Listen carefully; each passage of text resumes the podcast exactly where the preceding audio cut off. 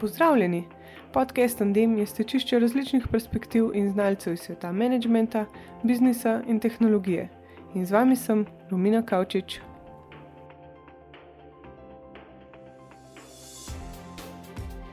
Tretji najpogostejši strah je strah pred javnim govorjenjem. Zanimalo me je, kako se ga lahko znebimo, kako izboljšamo svoje govorne sposobnosti pri predstavitvah, pičih in na kaj moramo biti pri pripravah za res pozorni. Vse to mi je zaupala Nina Dušič Hren, lasnica podjetja Dober Stik. Nina je psihologinja, podjetnica in trenerka mehkih veščin. To pomeni, da uči komunikacijo, prodajo in vodenje po podjetjih. Vodi svojo organizacijo Dober Stik, kjer se dnevno ukvarja z izobraževanji, vodi delavnice in dogodke. Specializirana je za javne nastope. Najrajši pripravlja govornike konferenc na njihove nastope in s tem pomaga njim pri samozavesti, poslušalcem, da razumejo snov in organizatorjem, da imajo kvaliteten dogodek. Prireja večere dobrega stika, kjer njeni tečajniki delijo dobre ideje in se mrežijo z ostalimi podjetniki. Ima mednarodno priznanje za kompetentno govorko skupnosti Toastmasters in certifikat na lepo praktika. Svojim pičem si je z ekipo prislužila prvo mesto na Petrolovem hekatonu.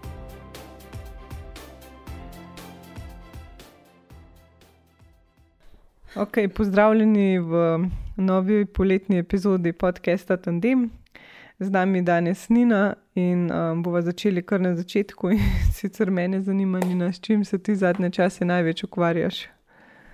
Ja, tukaj verjetno vsi pričakujejo podjet, nek podjetniški odgovor, v bistvu se pa zadnje čase največ ukvarjam s svojim sinom, zato ker je še star manj kot eno leto. Uh, ki me je pa v bistvu naučil, da je podjetništvo res tako mala malica in se zdaj veliko lažje ukvarjam tudi s poslom, ker je veliko lažje kot ta nov projekt. Um, kako pa v bistvu mi poskrbimo za dober prvi vtis? Ker največkrat, mislim, saj jaz vedno, ko pridem na konference, pa ne vem, kako zdaj prebiti let, seveda, pa ki ga prebiješ enkrat, ga lažje prebiješ drugič, ampak tako, kako mogoče poskrbimo za dober prvi vtis. Se mi zdi, da smo vsi že doskrat slišali, da se je treba nasmehati, pa močno stisniti roko, ne, pa ne vem, se nasmejati. Jaz pa mogoče tukaj na svojih delavnicah zelo močno poudarjam, da si je treba zapomniti ime. Spomnim se, recimo, ko sem šla enkrat na Petrol, pa sem plačala benzin in je očitno ne, gospodič pogledal na mojo kartico, s katero sem plačala in je rekel: Hvala, Nina, ne, pa lep dan. In takrat se je meni res tako zataknilo, sem pogledala, me je kar šokiral in sem vedela, da ja, okay, se je na kartici videl ime. Ne. Uh, pa mogoče ta primer niti ni najbolj reprezentativen, ampak pokaže pa res to, da smo na to ime res občutljivi. In ker na delavnicah vprašam, okay, kdo od vas iz lahkoto zapomni ime, navadno noben ne dvigne roke. Tako da, če smo mi tisti, ki si zapomnimo ime, smo tako nadpovprečni. In ko sem imela delavnico za 17 ljudi, mi je bilo smešen, da na koncu, ko sem vprašala, kako vam je pa bilo, so rekli, da ja, v bistvu se cel čas sam sprašujemo, kako si si nas 17 zapomnila. In sploh ni bilo več zanimivo, mislim, tisti kontent na koncu sploh niso omenjali, ampak sam to jim je bilo, ne? kako to veš. Tako da to je recept, zapomnite si ime. Ja, dejansko je res to. Pa pa je tudi lažje, mislim, imamo tega človeka v spominu, ko ga kontaktiramo ali pa ne vem, kam imamo njegov biznis kart karkoli. Ja, in Starbucks, recimo, tudi to se mi zdi, spridemo, a ne. Izkorišča, začeli so z imenom, eh, tudi marketingaši super vejo, da je treba personalizirati mail. Vedno se pojavlja uh -huh. to ime, ki nam veliko pomeni. Ja, ja v bistvu je. Um, zdaj pa, če se malo lotva teorije, kaj je sploh retorika? Oziroma, ja, kaj je retorika? Ja, retorika je v bistvu veda, ki se ukvarja s tem, kaj je tisto pravilno izražanje, pravilen izbor besed, gestikulacija, artikulacija. Um, in ko jaz v bistvu rečem, da imam tečaj nastopanja, mogoče kdo kdaj misli, da gre za neko učenje retorike, pa se mi zdi, da se tukaj kar razlikujem, ne? ker ne učim, kako bi ti moral stati ali pa kakšne besede bi ti moral izbirati ampak v bistvu res učim bolj iz vidika poslušalca, ker sem psihologinja, razmišljam, okay, kako bomo mi pritegnili ljudi, da bi nas poslušali, kaj je tisto, kar bo njih najbolj zanimalo. Um, s čim moramo mi začeti, da vzbudimo zanimanje in kako strukturirati vse skupaj, kako dobiti čim več od tega, tudi da pridejo na naš naslednji dogodek. Tako da se ne ukvarjam s tem, bi, kakšen bi človek moral biti, ker to bi bilo mogoče preveč nasilno, ampak bolj delam z tisto vsebino, s katero človek pride in mu pol pomagam tisto vsebinsko pač popraviti, zato da je za poslušalca res najbolj zanimivo. Uh mhm. -huh.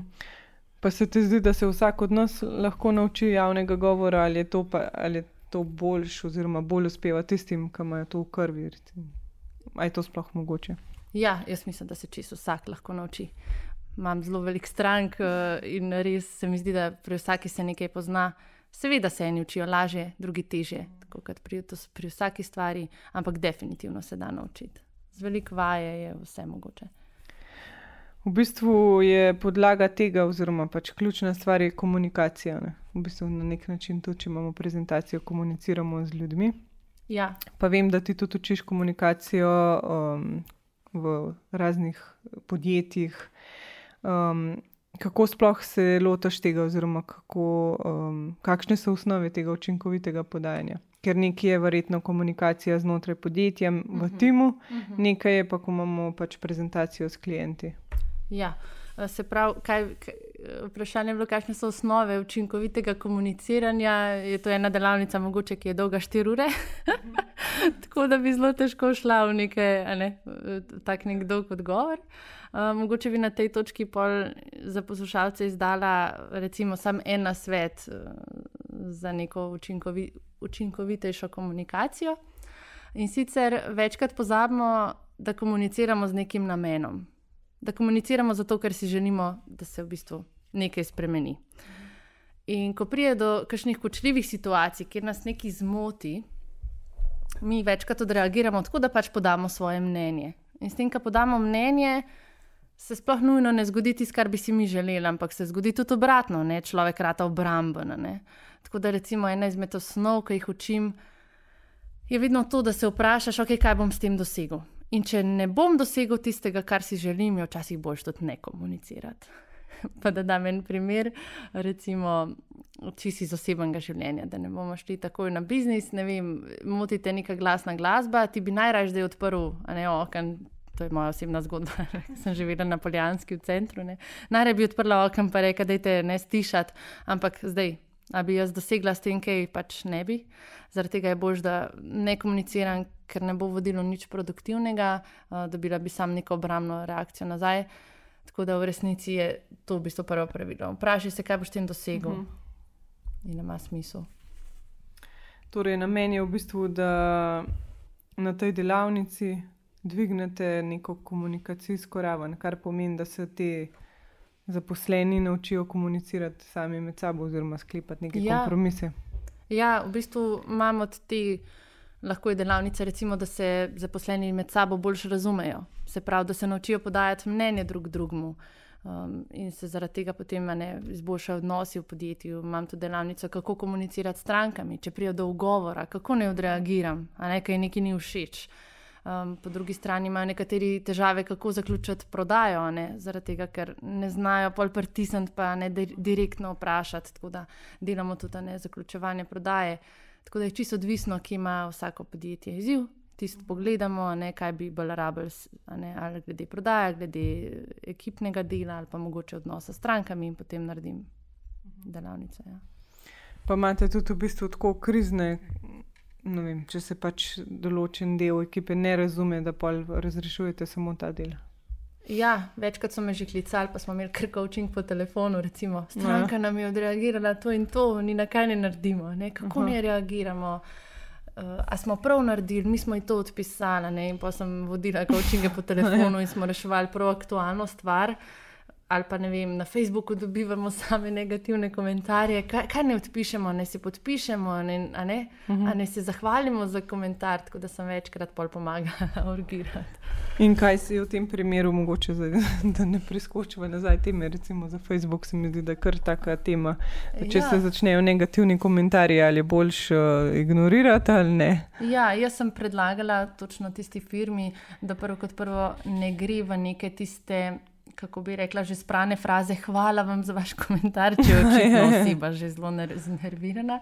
In sem predlagala, da, da pač preusmerijo uh, z vprašanji, ne, da ne pokažejo skrb do vsakega komentarja uh -huh. v smislu, uh, da postavijo bolj specifično vprašanje, kdaj se vam je to zgodilo, ne, uh, uh -huh. in še nekaj več povprašajo, zaradi tega, ker s tem se potem izolira ne, problem, se točno zve, kje je prišlo do Aha, česa in potem magar predstavijo na privat sporočila.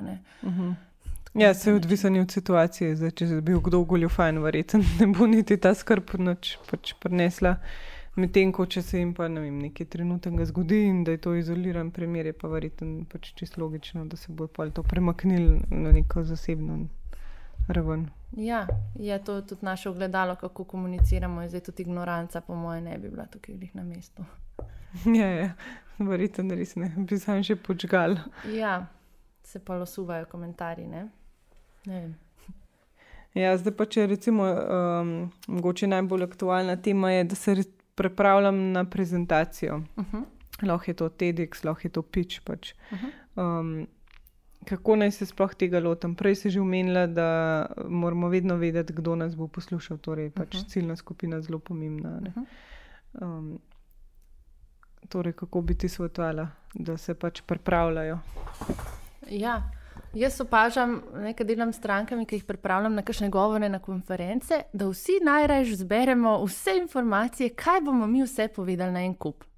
Mal bom povedal, ne, uh, iz kje sem zdaj prišel, ali pa malo o zgodovini podjetja, pa malo o tem produktu, pa še malo tisne. In naenkrat rata pač res preveč vsega. Tako da ena, ena izmed najbolj pogostih napak je, da hočemo preveč deliti. In če, ja, in če se v bistvu osredotočimo samo na to, kaj je tisto, kar bi lahko ne, mi, poslušalce, naučili, in da začnemo s tiste smeri, in da samo zberemo, ok, na koncu prezentacije in bo najbolj prav prišlo, če jim zaupam to in to, se pravi, da jih nekaj konkretnega naučim, je to veliko boljši način priprave, ker pol odpadejo naša, vsa, vse naše predstavitve, zgodovine in tako. In ostane res bistvo, s tem pokažemo, da lahko jasneje komuniciramo, in oni imajo nekaj od tega, in si tudi našo prezentacijo veliko bolj zapomnijo. Če gremo pa mi iz nekega že naučenega sistema, pa začnemo z pozdravom, pa hvala vam, ker ste se udeležili v takem številu, hvala vam za vabilo, pa potem v bistvu podaljšujemo ta čas, nekaj ljudi že izgubimo. Mm. Ja, ja verjetno so prve minute, ali pa mogoče celo prva minuta, samo najbolj pomembne. Ja, zato zelo veliko časa posvečam recimo, temu, kako narediti učinkovito mm -hmm. vod. Ker najbolj žalostno je, da pol pač greš na neko konferenco in vidiš pol ljudi na telefonu, in nihče ne posluša ja, tega. Ja. Um, kako pa v bistvu potekajo te vaje, verjetno je pomembna tudi intonacija. Pa... Ja, s tem, da to je to je taka specifika, ne, da do tega ne vem, če kdo prijene, če bi se združil z mano, ne vem, mogoče eno leto dni. Najprej res delamo tukaj na vsebini. Zdaj, tudi pomagaš z vsebino. Ja, večinoma pomagam v resnici z vsebino. Je pa res, da moja ne, klientela ne vem, so nekako podjetniki ali pa uh mhm. -huh. neke firme, ker je pomemben ta kontent, ta vsebina, ki jo predajajo. Yeah. Ja. Tako da bi se mi ukvarjali prav z neko se pravi, z nekimi rokami in z glasom, uh mhm. -huh. do tega ponovadi ne pride, ker res naredi tako zanimivo vsebino. Da, v bistvu, ko ti to poveš in ko nekaj poslušalcev daš, on ne razmišlja več, yeah. Ja. kako ti stojiš, pa si zdaj tista ne tako naglasil ali tako, ker ti si njemu nekaj dal. In mm. takrat je tvoja prezentacija zares odlična. Pa avtentična v bistvu. Tako je. Ja. Ker doskrat um, se mi zdi, da pa v bistvu, ko se ukvarjamo tudi pač mi s tem, ok, oh, roko imam tukaj, oh, ne gledam prav. Ja. Da izgubimo v bistvu tisto najbolj pomembno stvar, to, kar si zdaj rekla, da, da ja. nekaj damo. Ne? Jaz pravim, da smo mali egiči. Tudi na tečaju rečem, nehite biti egoistični, nehite se ukvarjati, kje bom jaz stal, kje imam roke, kje imam ne vem, ne, zapiske, a bom zdaj to imel. Mislim, nehite se ukvarjati s sabo. Začnite se ukvarjati s tem, kaj bojo ljudje mm. imeli od vas. Takrat vas bodo ljudje začeli spoštovati. Nehite se ukvarjati s sabo, kaj boste povedali, kaj ste vi vse dosegli. Ja, večina, prezentacij, pomembno, ja, večina prezentacij se pa še vedno žal na ta način začne. Mm. Ne, da najprej povem, zakaj sem jaz kredibilen, da to predam. Poslušajte, če mi boš ti meni dal ne, informacijo, ki bo meni vredna, bom jaz že takoj si zgradila ne, občutek, da si ti zelo kredibilna oseba mm. in ne rabiš govoriti o bistvu vse. Pa ponavadi, če so na konferencah, so itak že kredibilni. Mislim, so šli skozi neko sito odločevalcev in pač tako, pač oni da ne, govorim, da ne govorim to, da imajo povezovalca, ki jih tako predstavi. Pa tako, ne, ja, no, ja, pa tudi ja. to je. Um, Kaj pa se ti zdi na koncu, recimo, res pomemben, kako naj zaključimo svoj nastop, ali je pomemben, da jim damo vem, svoje kontaktne podatke ali nekaj. Pač se je že ja, povedala, če ja. jim podamo ključne stvari, tako se nas bodo zapomnili, ampak vse en ja. pač. Ja. Um, jaz učim povzetek, da je v bistvu najlažje iti po treh korakih.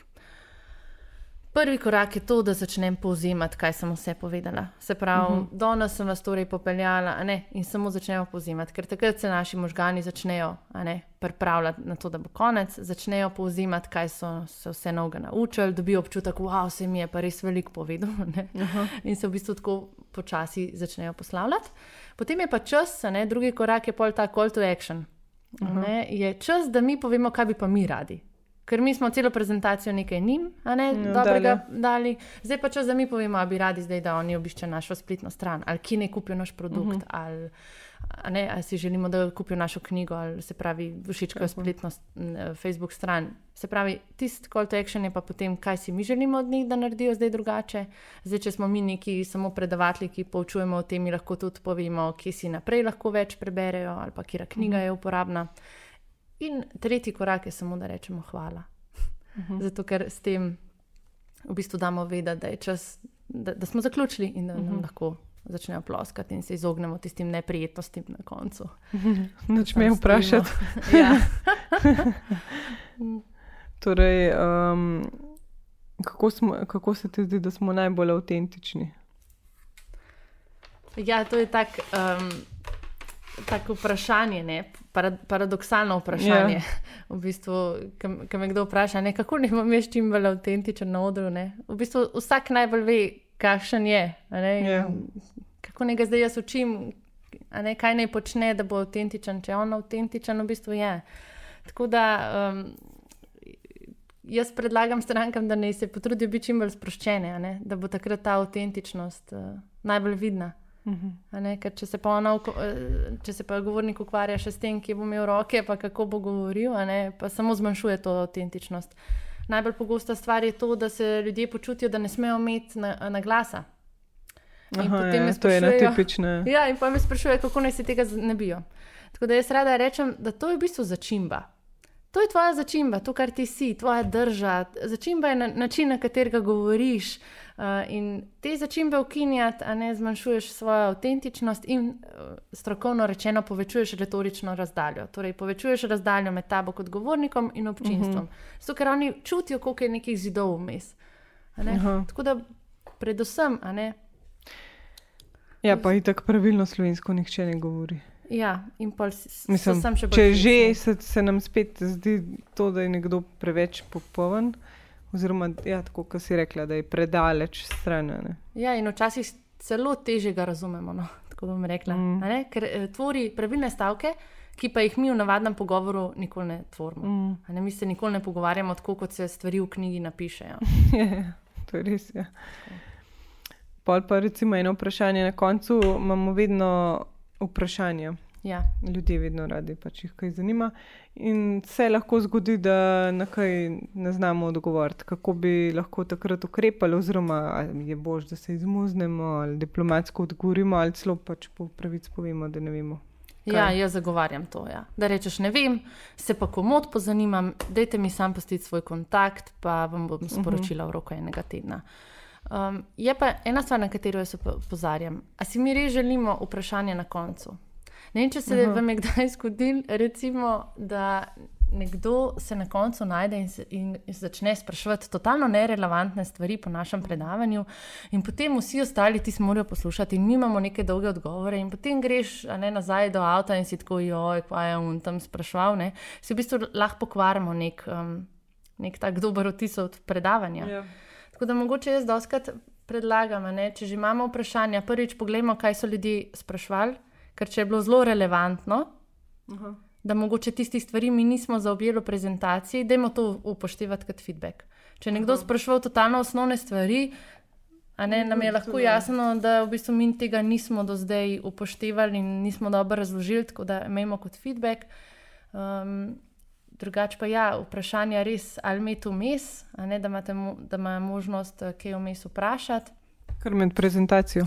Ja, kar med prezentacijo, ker drugače oni tako ne morejo slediti. Ne. Če jim neki do neke točke ni jasno, ne, uh mhm. -huh. potem oni to teže sledijo. Sam recimo, če pa prodajna uh, prezentacija naprimer 15 minut na konferenci, pa verjetno ja. ni smiselno. Ja, takrat ni smiselno, res je odvisno, ne, uh -huh. za, mhm. kakšno, za kakšno prezentacijo se gre. Ja. Okay, če je delavnica, pa je tako, verjetno stalno sprašujejo. Ja, ja. Kaj pa recimo vprašanje, ko ljudi pač pošiljajo, preden se sploh prezentacija začne, ali pa ki imajo neke live options. Ja. Da je v bistvu nekdo v zadju, ki še filtrira. Ja, to je super varianta tudi. Uh mhm. -huh. Kako bi se pa, oziroma kako se razlikuje pič, ki mora biti petminutni, uh mhm. -huh. um, pa recimo neka prezentacija, ne vem, TEDx, ki je pa podaljšana verzija, pa pač max 15 minut. Ja, zelo se razlikuje. Ne? Jaz pravim, da vsak nastop ti lahko sestaviš za točno določeno publiko. Zelo imaš ti težko vnaprej pripravljen vem, en nastop in ga potem lansiraš na vsako publiko, zato ker vsako publiko zanima nekaj drugega. Vsaka publika ima drugačne interese. Ljudje, ki hodijo na TEDx, so drugačni od ljudi ne, in razmišljanja od investitorjev. Tako da praktično moraš vse zamenjati. Ne. Investitorja zanima, kdaj se mu bodo povrnila sredstva v prvi fazi, ne? zakaj bi on tebi zaupal. Medtem ko TEDx se zanima, ne? kaj je tisto, kar se bodo oni naučili, kaj lahko naslednji dan delajo drugače.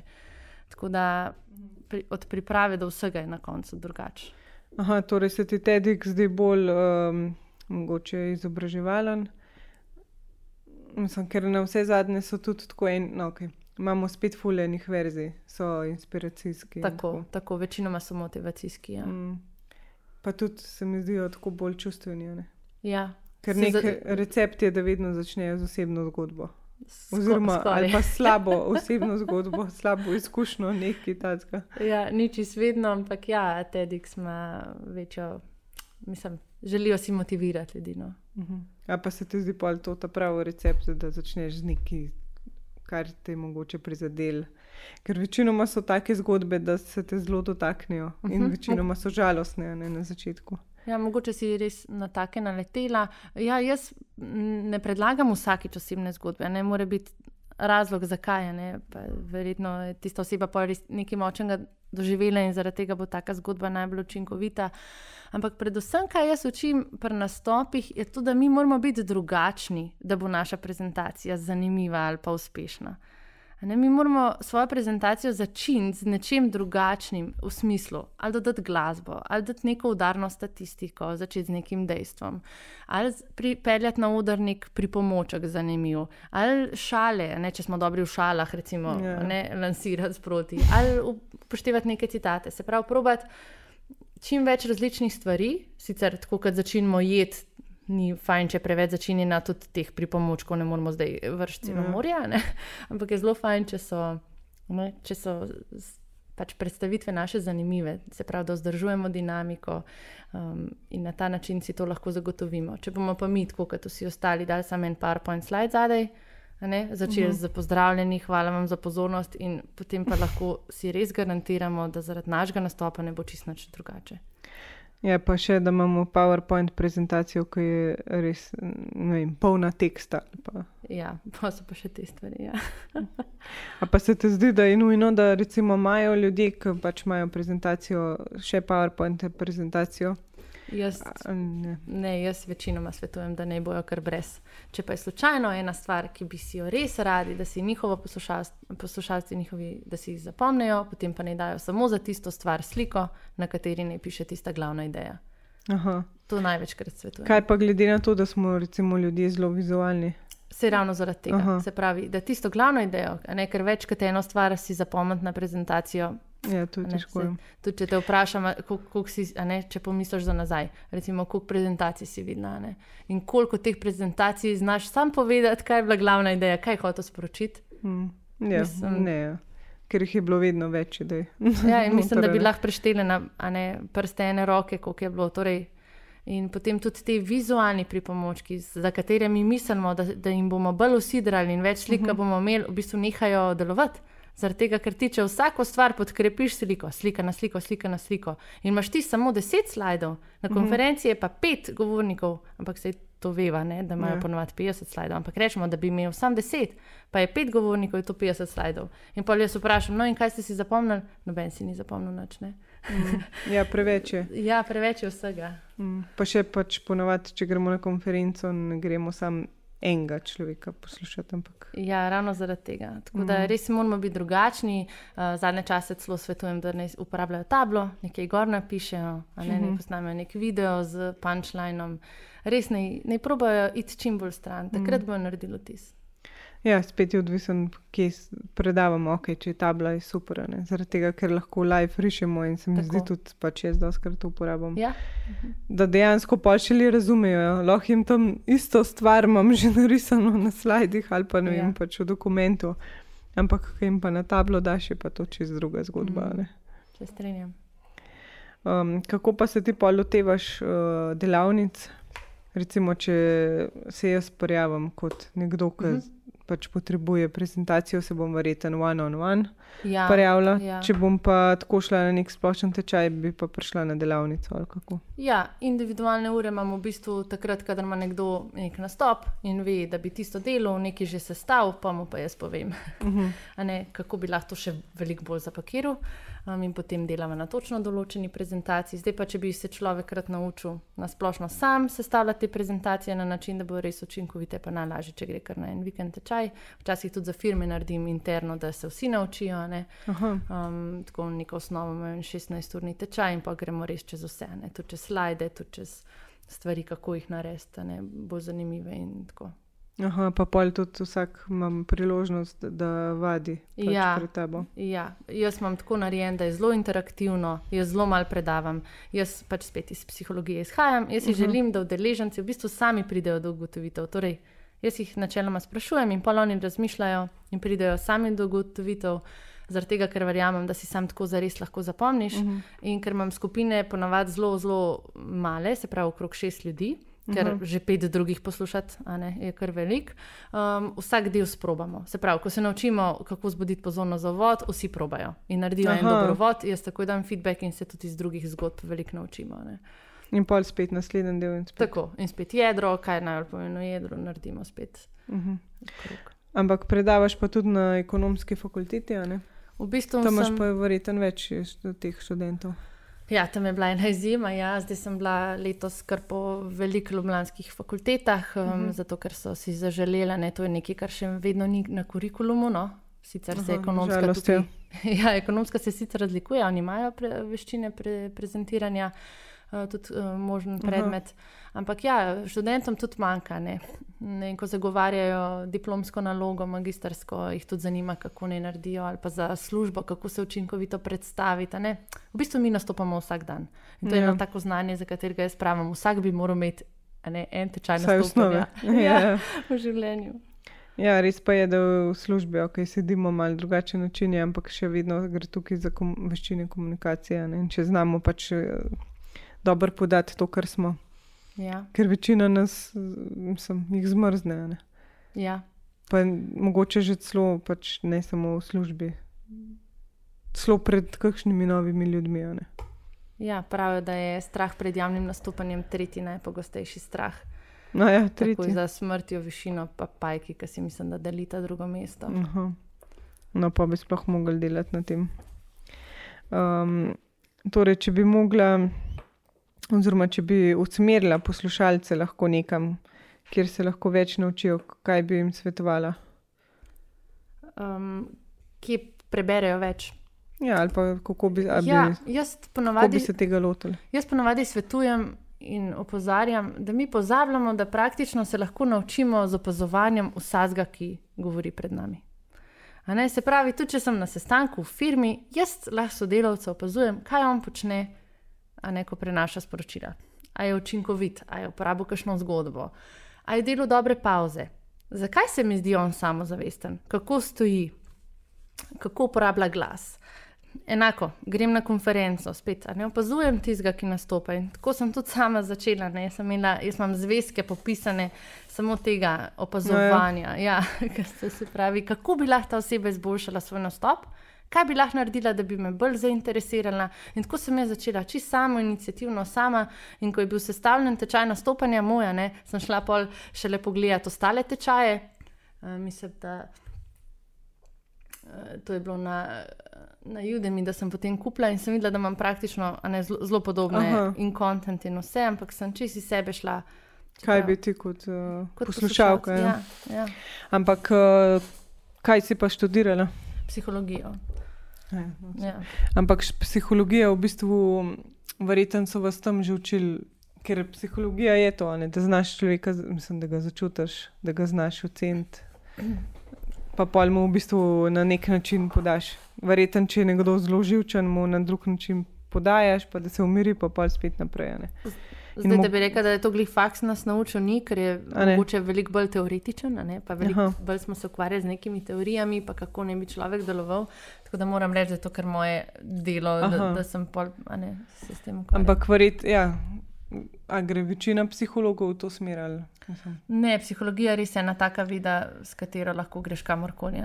Karkoli človek dela, uh mhm. -huh. lahko je zraven psiholog, zaradi tega, da ga proba razumeti. In mogoče ta predsodek, da zdaj pa, ker je psiholog, pa proba ne ne vem, um, oceniti človeka, ne, uh -huh. si rekla, ali pa da to nek predalček, v bistvu ravno nasprotno. Ne. Psiholog ga bolj proba razumeti, zakaj uh -huh. je do tega prišel, zakaj je tak.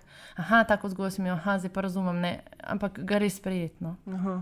Ampak obstajajo različne smeri študija, ali je pač samo ena smer? Mislim, ja. vsi doštudirate v bistvu z enakim znanjem, ni nič vmes. Ja, razen če greš še specializacijo, ne pa si pol klinični psiholog.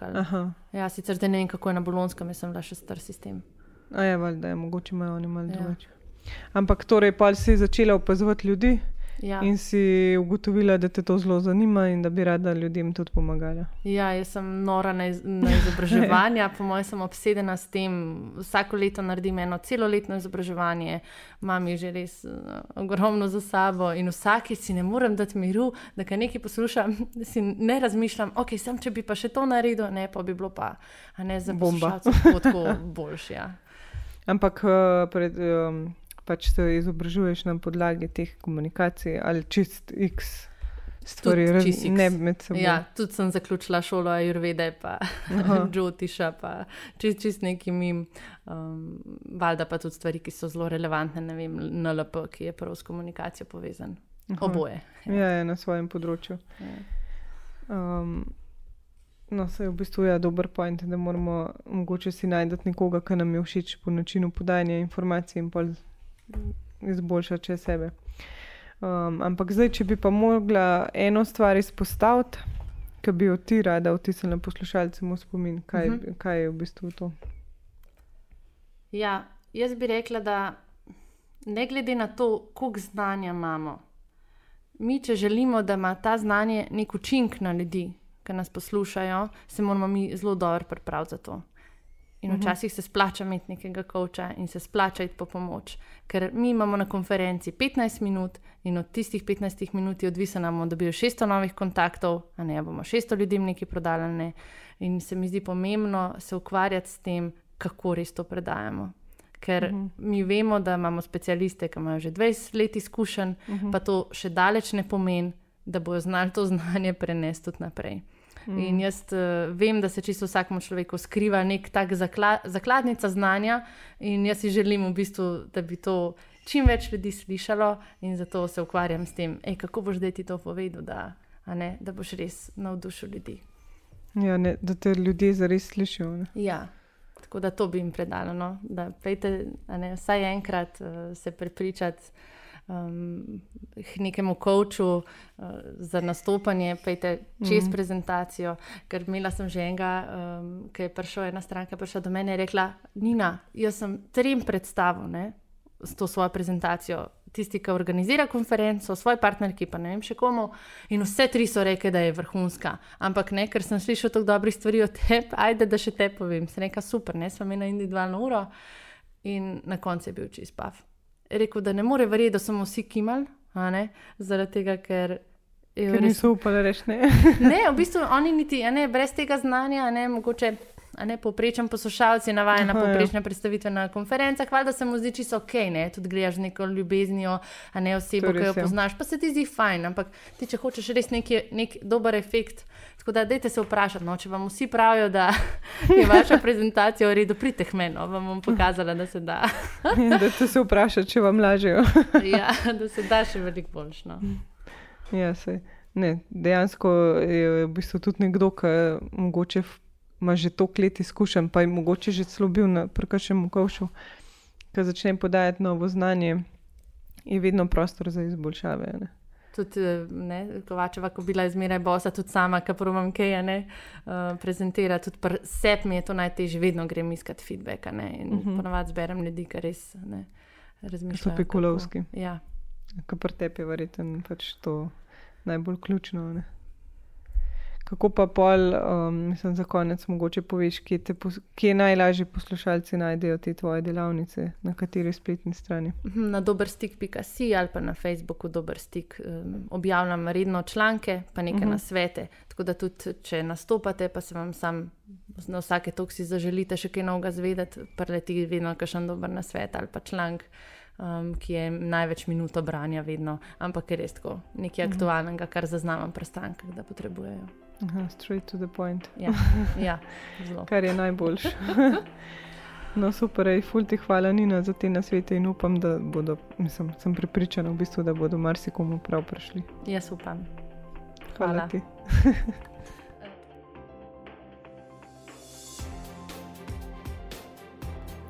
hvala za poslušanje. Če vam je bila epizoda všeč, prosim, pustite svojo oceno na iTunesih ali pa me potegajte pod afna poslušajte dnem na Instagramu, Twitterju ali Facebooku. Tako bodo za kul vsebino izvedeli še drugi. Če pa imate predlog teme za novo epizodo ali pa gosta, pa mi lahko pošljete e-mail na hej, afna poslušajte dnem.si. Se slišimo!